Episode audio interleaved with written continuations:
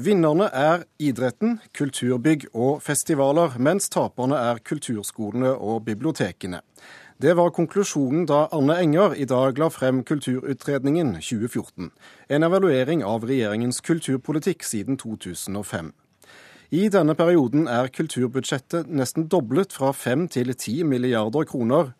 Da Enger presenterte funnene i rapporten tidligere i dag, trakk hun frem dette som en fantastisk økning, men understreket at regjeringens kulturløft ikke har lyktes på alle punkter. Fortsatt er det slått som at eh, kommunene er den største bidragsyter økonomisk til eh, kultur. Men det som har skjedd, er for så vidt en vridning eh, av pengebruken fra lokalt nivå fra liksom det som vi kaller den, eh, den kulturelle grunnmuren, og mer til idrettsanlegg, kulturbygg, til begivenhetskultur.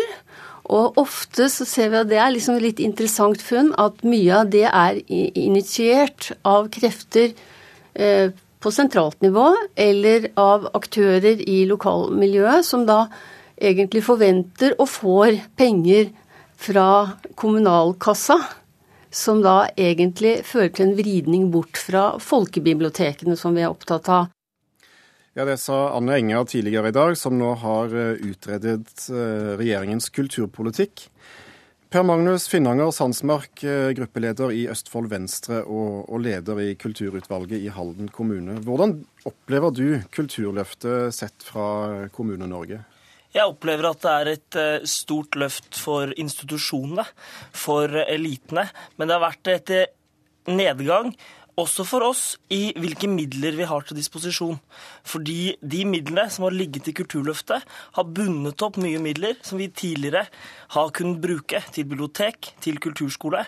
Men avtaler og støtteordninger fra staten har gjort at vi har måttet prioritere institusjonene framfor det Anne Enger har kalt grunnmuren i det lokale kulturlivet. Hva har det betydd i praksis for dere i Halden? Hos oss har det betydd at eh, de regionale og statlige institusjonene som er i Halden, har fått økte overføringer som vi har måttet følge opp lokalt. Det er vel og bra, men det har betydd at vi har eh, måttet kutte innkjøpet til bibliotekene, sånn at det er mye færre ressurser til bibliotekene enn det var tidligere. Hva er eh, løsningen slik du ser det?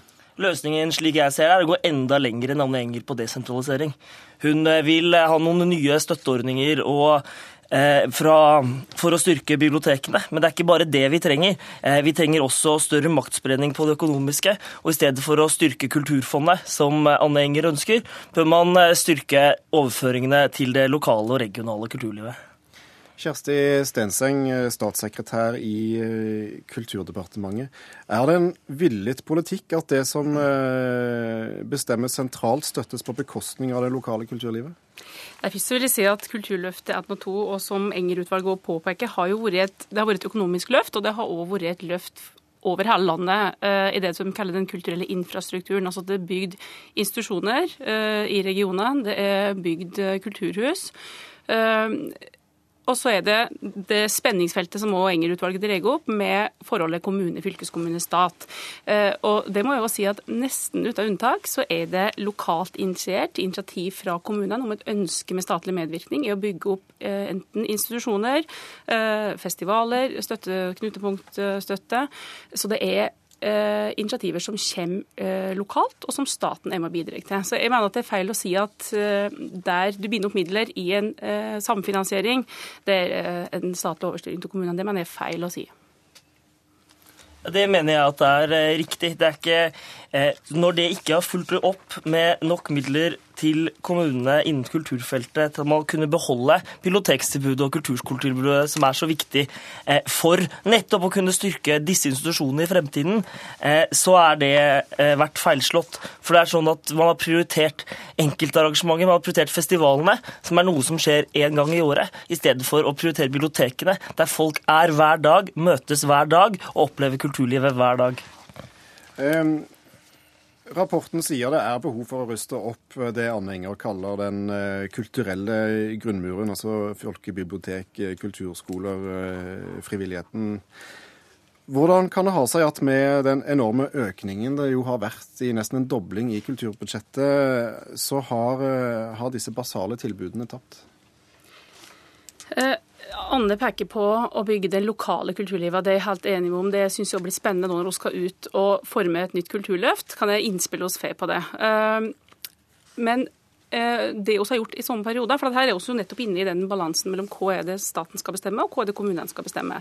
Det vi har gjort i samme periode, er jo at vi har styrka kommuneøkonomien, slik at kommunene kan være i stand til å styrke sitt kulturtilbud. F.eks. på bibliotek så har vi økt budsjettene i den perioden eh, Enger-utvalget har gått gjennom, med 56 og så har vi jo statlige føringer på eh, bibliotekpolitikken, men det er jo opp til hver enkelt kommune å bestemme hva slags bibliotektilbud de skal ha.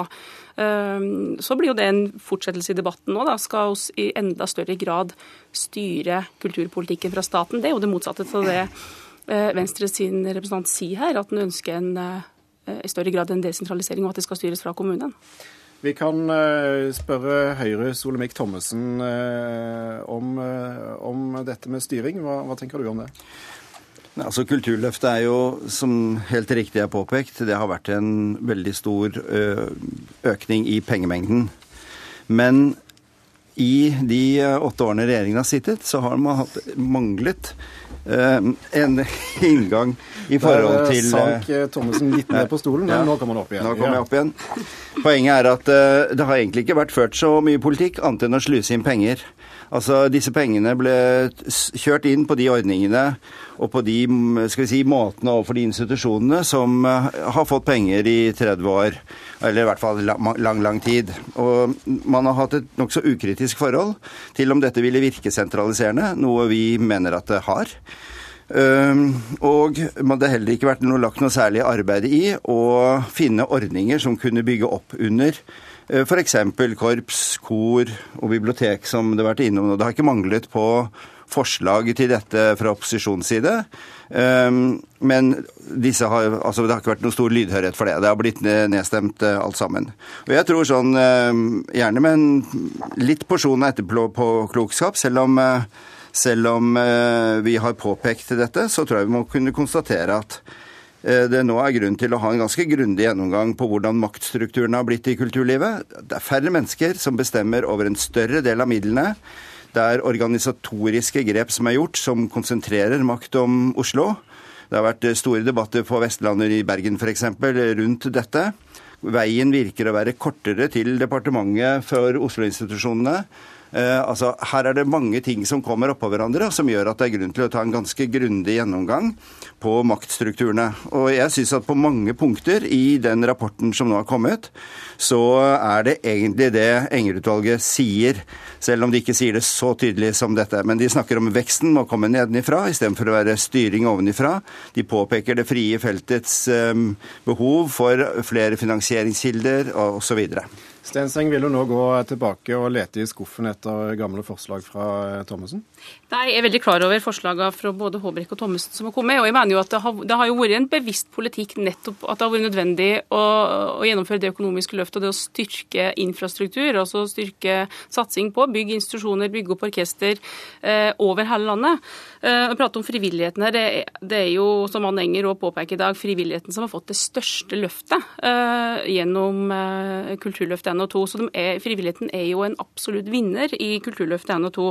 Så eh, har det vært foretatt en del strukturendringer òg i den perioden. Og så er jeg opptatt av at nå har vi bygd en infrastruktur og så har fått et økonomisk løft som har vært nødvendig og viktig. Eh, kvalitet, publikumsutvikling, innholdsproduksjon, alt dette blir veldig viktig i fortsettelsen. Å forsterke det arbeidet nå.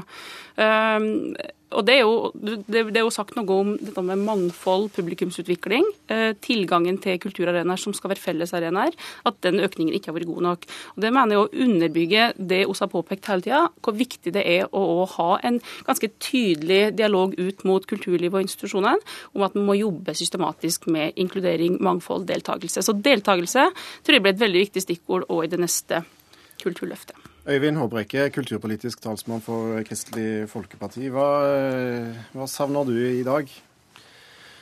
Nei, jeg vil vel heller si sånn at utredninga peker på mye av det som KrF har påpekt at vi har savna i Kulturløftet. Jeg syns vel at den brede rapporten vi har fått i dag, den inviterer til en debatt om prioritering, men òg eh, til langt mer refleksjon om kultur og samfunnsutvikling i et litt større perspektiv. Jeg mener du at, eh, at det mangler litt begrunnelse bak politikken her? Er det det du legger i det? Ja, altså, Hvis jeg får si litt om det første først, på prioriteringen, bare for å gjøre ferdig den, så er det jo et stort, stort tankekors og ganske utrolig at vi har klart at man har klart å bygge opp et kulturbudsjett som er dobla opp til 10 milliarder kroner. Samtidig så står det 30 000 unger i kø som ønsker å lære seg å synge og spille og danse og, og, og tegne og male. Altså, Hva har vi holdt på med da, når vi ikke har klart å gi dem et tilbud av unger som virkelig ønsker å lære å uttrykke seg sjøl gjennom kunst og kultur? Det er jo et kjempeparadoks, og der har jo heldigvis eh, det har jo heldigvis utvalget løfta opp. Og så er det litt med kor og korps og en del av de breie bevegelsene som vi har unike norske tradisjoner for, som trenger mer eh, fokus. Men det, det, siste er jo dette med hvordan kan vi bruke denne utredninga og den anledningen til en bred debatt om hva betyr kulturen i lys av ei samfunnsutvikling, med globalisering, med teknologiske endringer som gjør at i motsetning til 1814, da man starter gjennomgangen her i, i rapporten, så endrer jo samfunnet seg fortere enn det noen gang har gjort. Og hva slags betydning har kulturen da for identitet, tilhørighet, sammenheng, og se, oss sjøl i et større perspektiv? Og Det mener jeg at kulturarven vår, den historiske kulturarven, må få langt større betydning i kulturpolitikken i framtida. Den type diskusjoner og refleksjon bør vi nå gripe muligheten til å gjøre. Ja, Det er en diskusjon dere vil gå inn på? Ja, veldig gjerne. Og det er jo en grunn til at vi har bestilt denne utredninga, og at den kommer nå. Eh, for vår del skal jo i gang med arbeidet med et nytt kulturløft nå. Og veldig mye av det som Øyvind drar opp her, syns jeg er viktig at vi diskuterer nå. Etter å ha hatt et så stort økonomisk løft som fem milliarder eh, siden 2005. Hva har det betydd for kulturens plass i samfunnet? Hva slags eh, samfunnsoppdrag skal kulturen ha i fortsettelsen? Teknologiske endringer som betyr mye både for brukermønster, for tilgjengelighet, uh, både for utøvere og for publikum. Alt dette er, går utvalget ganske grundig gjennom, og det syns jeg er veldig interessant nå. At vi både skal diskutere og få innspill på å legge en plattform for kulturpolitikken videre framover. Thommessen, hvor, hvor, enkelt er det egentlig å diskutere all denne kulturpolitikken eh, på en gang, nærmest? Det...